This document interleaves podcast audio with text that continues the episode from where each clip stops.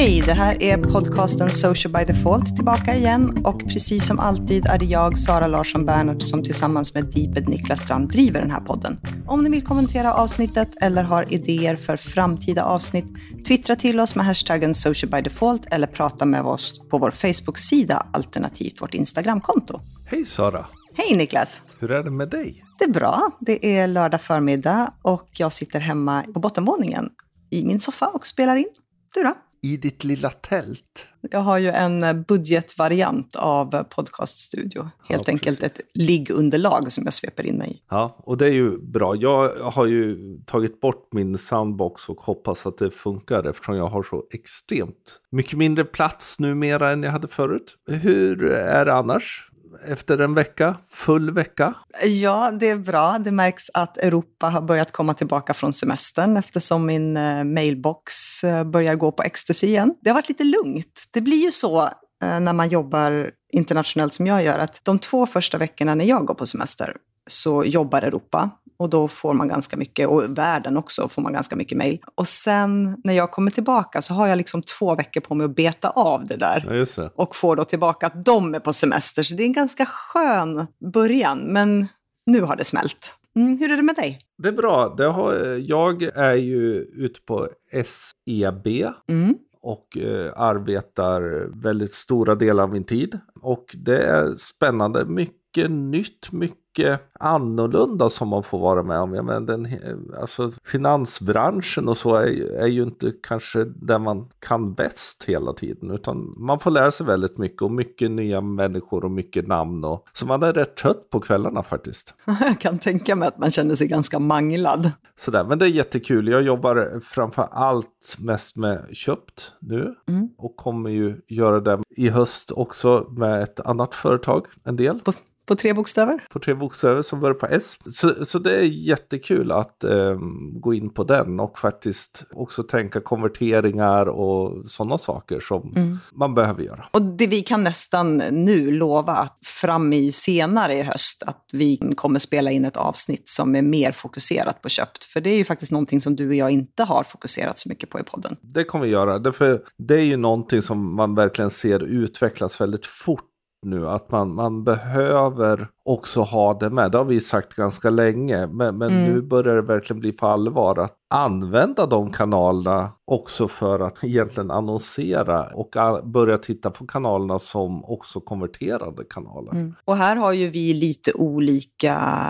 prioritering av kanalerna. Både ni då och vi, vi som lägger väldigt mycket av det vi köper, framförallt kanske på LinkedIn, i dolda kampanjer via LinkedIns egna plattformar och möjligheter. Medan ni fokuserar ju, ni har ju en slutkonsument på ett helt annat sätt än vad vi har på mycket av ert. Så det kommer ju kunna bli en ganska skön dialog tror jag när vi pratar om det. Och, och jag är ju där som konsult under några månader för att då bygga upp väldigt mycket av de interna köpen är tänkt. Mm. Så det är kul. Något som också är kul är eh, att internetdagarna biljetterna är ute. släpptes i måndags. Biljetter finns att köpa. Vi driver ett spår dag två som handlar om etik, digital etik. Allt från etisk AI till etisk annonsering igen då och etisk design. Vad har vi för skyldigheter egentligen när vi jobbar och utvecklar? Och vi tar också ett så stort grepp runt tanken runt digital moral. Alltså kan, kan vi ha en digital moral över hela världen? Eller hur ska man faktiskt hantera det faktum att vi har olika kulturer men plattformar som skär rakt igenom? Och det kommer vi bland annat prata med, med Facebook och Twitter. Mm. Gå in och kolla programmet på digital moral och internetsetik. Köp en biljett. För vi hoppas att de kommer gå åt fort och det tror jag. Därför vi har ett riktigt bra spår i år. Så gå in och köp biljetter. Det ligger i Stockholm som vanligt på Waterfront 25-26 november och hela programmet, båda dagarna, finns på internetdagarna.se. Bara några dagar efter så ska du vara på gala. Ja, det ska jag vara. Ja, på Spinngalan. Och varför ska du vara där Sara? Ska du Ja. vinna ett pris? Oh, I wish. Nej, jag ska vara med och besluta eller påverka om faktiskt vilka som vinner pris. För jag sitter med i årets spinnjury, vilket är otroligt roligt och eh, fortfarande lite så här omvälvande att jag fick frågan. Jag är jättestolt och tycker det är jätteroligt. Mm. Så ja, väldigt kul. Så vi får så att säga inte gå på galan tillsammans, men vi kommer ju vara där båda två. Samtidigt. Förra eh, avsnittet så pratade vi om det faktum att eh, Instagram och därmed Facebook håller på att eh, testa att ta, gömma likesen. Vi var ju inte helt lyckliga. Nej, och jag är väl eh, fortfarande väldigt kluven till det. Lite som jag sa i det avsnittet att det beror på om det är Sara privat eller Sara Head of Social som, som pratar eller tittar på det. Det vi gjorde var helt enkelt att vi eh, Frågade proffsen. frå frågade de som ligger bakom det. Så jag åkte iväg och eh, träffade Sam Riani som vi intervjuade eh, för några avsnitt sedan och frågade honom varför gör de det här? Och den intervjun kommer här. Hej Sam Riani, vd för Facebook i Sverige. Kul att få komma hit. Tack och välkommen tillbaka. Förra eh, gången så pratade vi om det här med att då likes kommer försvinna eller åtminstone gömmas då eh, från Instagram och man har sett liksom hela den här synliga delen delvis minska ner. Och vi hade ju massa åsikter såklart, jag och Sara, mycket utifrån ett marknadsföringsperspektiv och utifrån ett influencerperspektiv. Men det som kan vara intressant att höra, hur kommer sig att ni gör de här testerna? Det testet som pågår just nu i en handfull länder. Det bottnar ju egentligen i att, eh, jag tror vi, vi pratade om det sist, det är liksom när vi tittar på välmående generellt sett. Hur, hur mår folk när de använder våra produkter och tjänster? Och på vilket sätt kan vi ta vårt ansvar och säkerställa att det man gör på våra produkter och plattformar bidrar till, en, till ett positivt välbefinnande. Och vad vi definierar som positivt välbefinnande, det är ju då att man, man har en, ska vi säga, meningsfull interaktion på plattformen. Där man gör saker med människor som man känner eller har en relation till. Där det är en aktiv kommunikation mellan individer snarare än passiv konsumtion av innehåll. En del av det arbetet, att förstå mer kring liksom vad bidrar till positivt välmående, är att testa med olika saker. Och, och det innebär då att på Instagram just nu så pågår det test i, i en handfull länder som jag nämnde, att, att eh, dölja helt enkelt likesen. Det har pågått några månader så det är fortfarande väldigt tidigt eh, att uttala sig exakt liksom vad, vad är det vi har kommit fram till. Utan det handlar mer om att vi ska, vi ska fortsätta analysera den data vi får in och för att kunna gå vidare och se okej okay, vad innebär det här, på vilket sätt har det påverkat upplevelsen, eh, vad tycker användarna om det här, vad har det inneburit för liksom, den övergripande Instagram-upplevelsen för de här människorna som varit med i det här testet. Det man vill se är ju att du, vill ju verkligen liksom engagera dig i innehållet i sådan. Att likes eller kommentaren ska ju inte vara orsaken till varför du gör något eller inte gör något. Mm. Det är ju liksom innehållet i sig som ska vara det engagerande, det drivande som får mig att agera. Antalet likes eller kommentarer ska inte vara det avgörande. I grund och botten är det det det handlar om. Att det är det, är det som är viktigt. Att innehållet ska vara rätt anpassat till den personen eller den målgruppen den når. Det är det som är A och O. Och inte tvärtom liksom det, det kvantitativa måttet att det är 100 likes eller 100 kommentarer är inte det relevanta egentligen. Så det är testande att se liksom hur funkar det om man då döljer det. Hur kommer människor agera? För oss då, så när, när vi läste och när man tittar på hur vi ofta jobbar både gentemot de egna företag man jobbar med men också i ett influencerhänseende så blir det ju svårare delvis att kunna göra någon sorts benchmarking och det för likes är ju ändå ett engagemangsvärde medan antalet följare kanske inte egentligen säger så mycket om hur många som ser saker. Absolut, du har rätt, men, men jag tror det är lite både och. Du har helt rätt i att antalet följare är ju liksom i sig inte synonymt med framgång och det är inte heller antalet likes eller comments. Det betyder inte heller att det, det kanske var bra. Bara för att man har många så, så sätter det, kvantifierar ju inte det tonen på dem kanske. Nej, det gör det. Du vet inte vad som faktiskt sägs. Du ser att det är 200 kommentarer men jag vet inte om de är positiva eller negativa. Nej. Så det förklarar ändå liksom inte så här vilket sentiment har det på den posten och vad tycker människor om den. Och det gör inte likesen heller för den delen.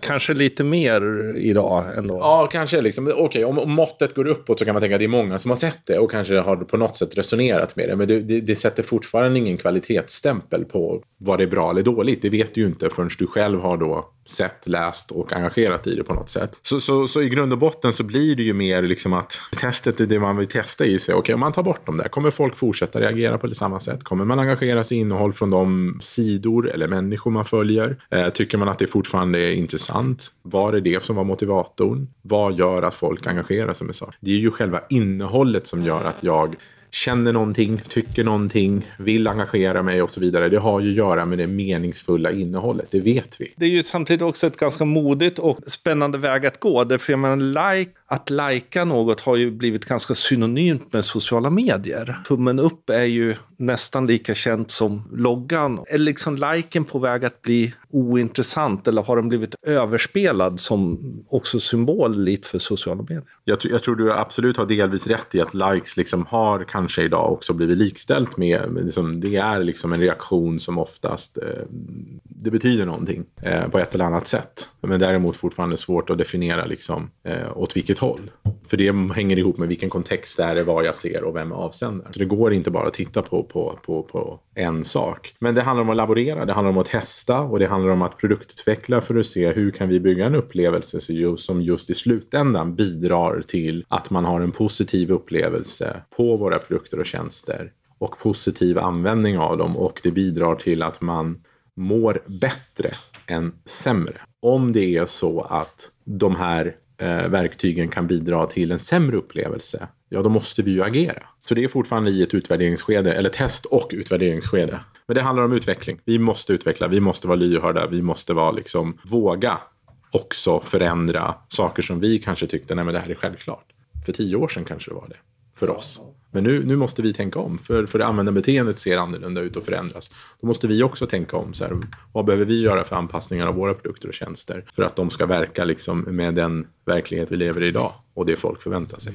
Om vi tänker att vi är ett 15 år gammalt bolag och vi hade en del produkter och tjänster när vi startade som, som med tiden har utvecklats till att bli något annat för att användarbeteendet har drivit på det. Där vi har sett att det har snabbt gått från... Eh, så det är omöjligt att säga hur, hur, vart är vi på väg och hur kommer det se ut. Däremot så handlar det om att vi måste vara extremt lyhörda för de här förändringarna vi ser. De röster som finns kring internets påverkan på människor generellt sett som är, som är väldigt aktuellt just nu. Hur, hur påverkas vi av liksom den här digitaliseringen och att alltid vara uppkopplade? Vi har ju, vi har en roll och ett ansvar ansvar att spela där också. Men jag tror vi har gjort väldigt mycket förändringar under den här under resans gång liksom. Eh, och inget är, ska vi säga, skrivet i sten. Eh, det finns ingenting som kommer finnas för evigt bara för att. Eh, det styrs ju väldigt mycket av vad vill användarna ha? Varför vill de ha det? Och kan vi leverera det så, så, så är vi i en, i en business där vi hela tiden utvecklas och ständigt måste utmana oss själva. Eller så utmanar någon annan oss också. Vi måste vara på tå. Ja, vad tänker du Sara? Jag förstår att de gör det. Eh, jag tycker det är intressant framförallt det han säger att eh, de har en produkt som är 15 år gammal. De måste utveckla den tillsammans med användare och beteenden och faktiskt lyssna på vad som händer. Och stor eloge för att de är så lyhörda. Sen blir det intressant att se om det kommer rullas ut. För jag tror att man behöver titta på den datan som de får in under det här testet för att kunna göra ett avgörande. Och det är, det är ju det han säger, så att det är ett test. Det handlar inte om att de soft rullar ut en, en funktion, utan det är ett test de vill göra. Så det kan ju vara så att vi har jumping the gun lite tidigt sådär. Men intressanta mm. påpekanden. Det hänger ju uppenbart ihop med också hela skärm, skärmtidsdiskussionen och sådana saker. Hur känner du nu då? Du nu som faktiskt var där och pratade med honom och Eh, det är ändå gått ett par veckor sedan vi hade vårt förra poddavsnitt. Jag är fortfarande personligen fundersam över hur man ska kunna benchmarka och eh, så jag tycker fortfarande att vi, vi, man behöver ett kvantitativt mått på något sätt. Och jag tycker ändå like är ett kvantitativt mått på engagemang. Men jag kan samtidigt förstå delvis varför man prövar de här sakerna eftersom det är ju frågan vad värdet är i, i det och finns det negativa delar för användarupplevelsen på grund av det så kan jag ju förstå varför de funderar på att ta bort det. För de är ju faktiskt till för användare och inte för marknadsförare. Vilket är synd. kan, de inte, kan de inte byta perspektiv och komma på vår sida lite? Ha, skulle det bli så jävla tomt bara. Nej, men, jag, jag gillar den approachen därför det vore förfärligt och vi har gjort det som alltid förut. Alltså att skapa plattformar som är bra för marknadsförare istället för att faktiskt skapa plattformar som primärt är för användare. Mm, nu hoppar vi ordentligt mellan plattformarna. Något som också är intressant och framförallt lite, jag blev lite förvånad, var igår dök det upp nämligen ett antal tweets från Jack Dorsey, Twitters grundare, från Twitterkontot som kändes väldigt, väldigt out of nowhere. Och mycket riktigt så visade det sig ju då att hans Twitterkonto har blivit hackat. Det är ju problematiskt av en massa olika skäl, men, men en, en av de sakerna som det blir lite problematiskt är ju att folk kan ju bli så här, jaha, nej men han var, han var rasist. Och det händer ju hos andra eftersom vi har liksom en president som mer eller mindre uttalar sig lite lätt rasistiskt med jämna mellanrum och folk liksom, ja men he, hela känslan är någonstans att, ah, nej, det skulle inte förvåna mig mm. egentligen. Mm. Så det, det, är ju ett problem någonstans att, och sen självklart det faktum då att hans konto kunde bli hackat är ju oroande. Första tankarna var ju så här, åh, använder han inte tvåfaktorsautentisering och liknande, men eh, Nej men och det hängde ju ihop med på något sätt att hans då telefonbolag hade roddat runt med telefonnumret som eh, låg på kontot och genom det så kunde då hackarna via sms-funktionen skicka mm. inlägg. Och det är, ju, det är ju lite problematiskt. Sen om, om det nu är någon på Twitter som ska bli hackad och få ner sina tweets och raderat och så, så är det väl enklast för honom, skulle man ja, då kunna jo. säga. Han vet ju precis vilka spärrar och vilka personer han ska kontakta och dra i. Så det gick ju ganska fort. Ja, och samtidigt är det väl frågan om det här var dödsstöten för sms-funktionen. Mm. Som faktiskt är den som man började med. För det var, mm. det var ju liksom hela Twitters idé.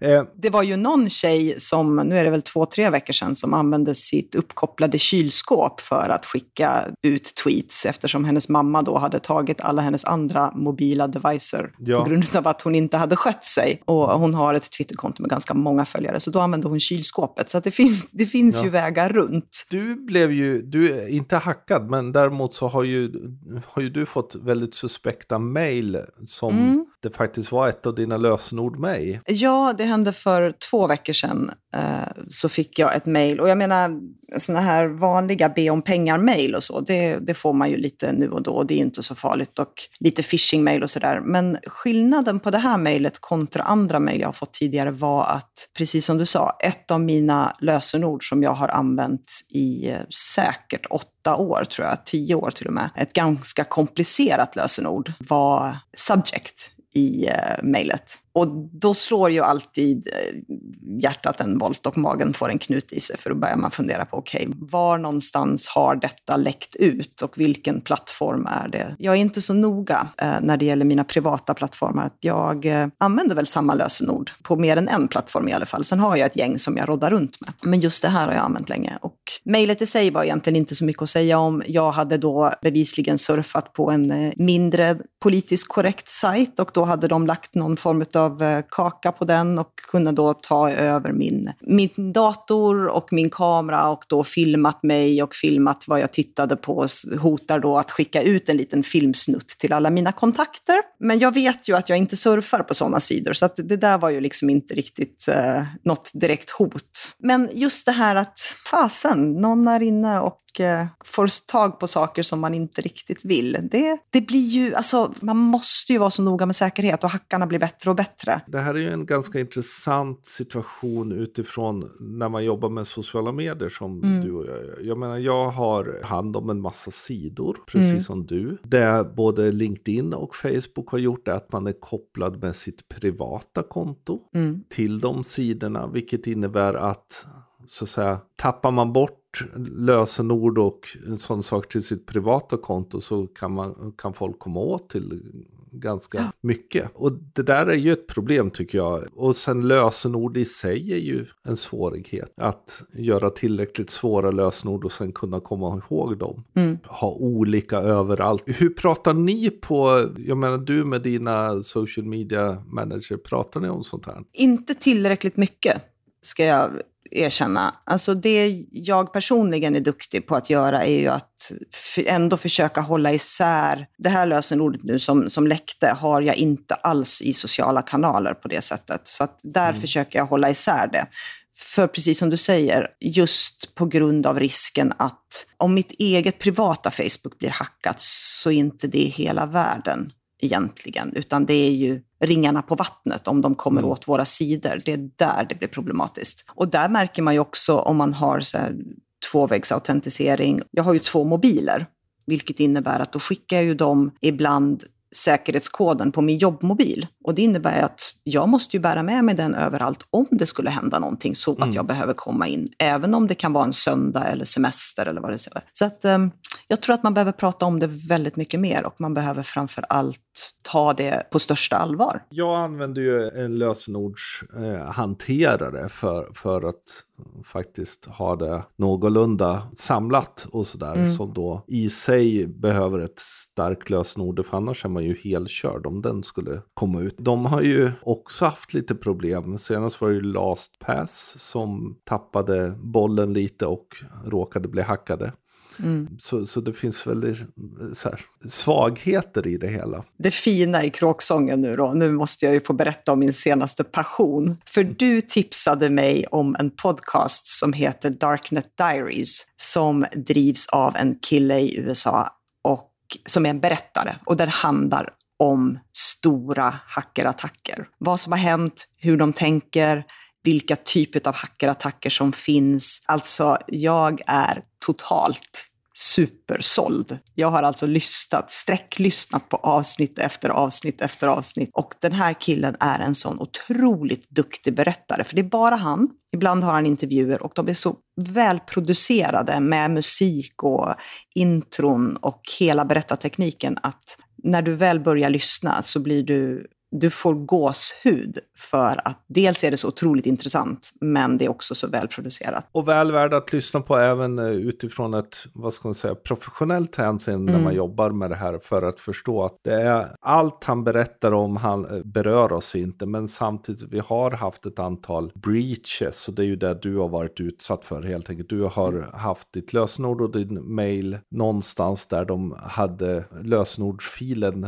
rätt oskyddad och mm. någon har plockat ner det och nu sitter eh, spammar och försöker få folk att vad heter, betala. De, de har bara en mailadress och, ett, eh, och ditt gamla lösenord. Men det är ju sånt som man faktiskt kan lära sig lite av, därför för vi behöver ju vara lite mer försiktiga. Ett, det första avsnittet som jag lyssnade på var ju det du tipsade mig om. Och bland annat så handlar det om då eh, SQL hacking och precis som du säger när man får tag på lösenord och som inte då är hashade, alltså inte är scramblade utan står i klartext klartext tillsammans med mejladresser och så. Och då lyckades de eh, hacka sig in och få ner 83 miljoner lösenord i klartext. Mm. Började hitta systematik i liksom, vad är det för lösenord som vi faktiskt använder. Vilket mm. gör att om man bara då testar de 50 000 vanligaste så har du 20-25 procents chans att hacka dig in på någons konto. Mm. Där 1, 2, 3, 4, 5, 6 är världens vanligaste lösenord. Vi är mm. så lika i sättet att tänka och det är, in, ja, det är spännande.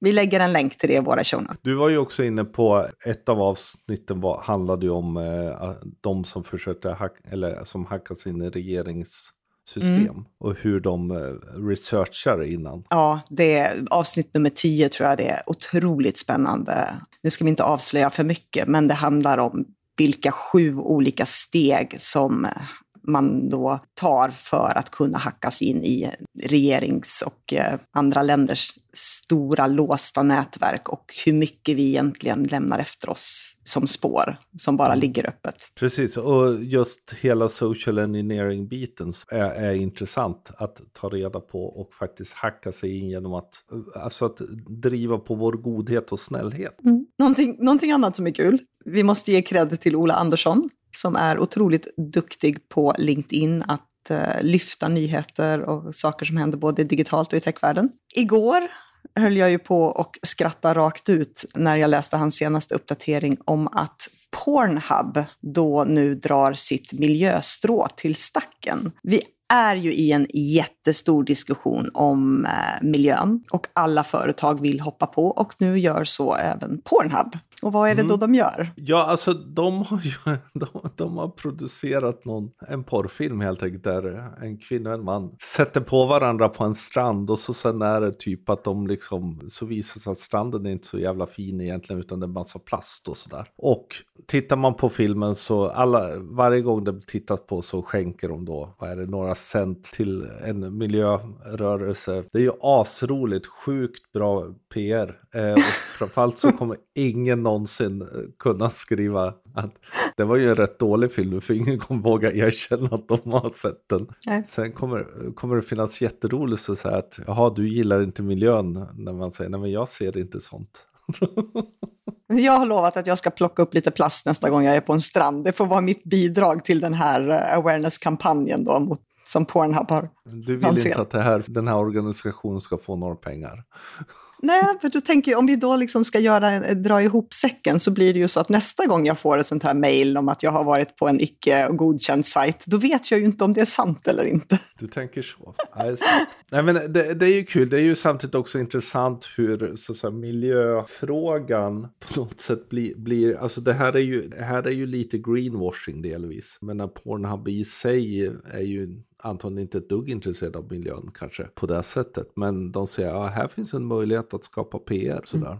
Sista grej. I mitten av mars Mm. ser det ut som att det kommer hända någonting roligt i Göteborg. Ja, fredag den 13 av alla datum. Vi är nämligen ett, eh, just nu ett ganska litet gäng med Per-Olof Arenäs, som vi intervjuade här om veckan i podden, eh, är initiativtagare till att faktiskt göra en poddkonferens i Göteborg. En unconference där eh, vi helt enkelt grottar ner oss i poddande, teknik, mickar, prat, allt man kan tänka sig som har med poddande att göra. Precis, så håll lite utkik efter det. Därför när vi börjar få lite, vet ungefär var vi ska vara och så, så kommer vi också börja berätta ännu mer om det. Därför såklart så heter det Podcoast efter Precis. gamla Webcoast. Så det är kul. Och du och jag är med och drar lite i det där. Så, och är det så att någon av er känner att ja, men det här vill jag vara med och eh, faktiskt bygga upp och hjälpa till att driva igenom, så kontakta oss via DM på Twitter eller Instagram eller sök upp podcastgruppen på Facebook. Och det var det vi hade för idag. Så tack för oss. Ett ganska blandat avsnitt. Hoppas ni har lärt er en del och fått några skratt och några tankar. Vi lägger som vanligt in länkar i våra show notes och de hittar ni på podcast.socialbydefault.se. Och glöm inte att prenumerera på oss. Vi finns som vanligt på iTunes, Soundcloud, Acast, Stitcher och Spotify och det är bara att söka på Social by Default. Om ni gillar podcasten, ge den jättegärna betyg och recensera den på iTunes. Vi älskar att höra av er. Prata gärna med oss på vår Facebook-sida eller med hjälp av hashtaggen socialbydefault på Twitter och Instagram. Vill ni prata med oss personligen så heter jag Deeped överallt. Och jag heter Sanna C. LB överallt. Ha det gott! Hej då! Hej då!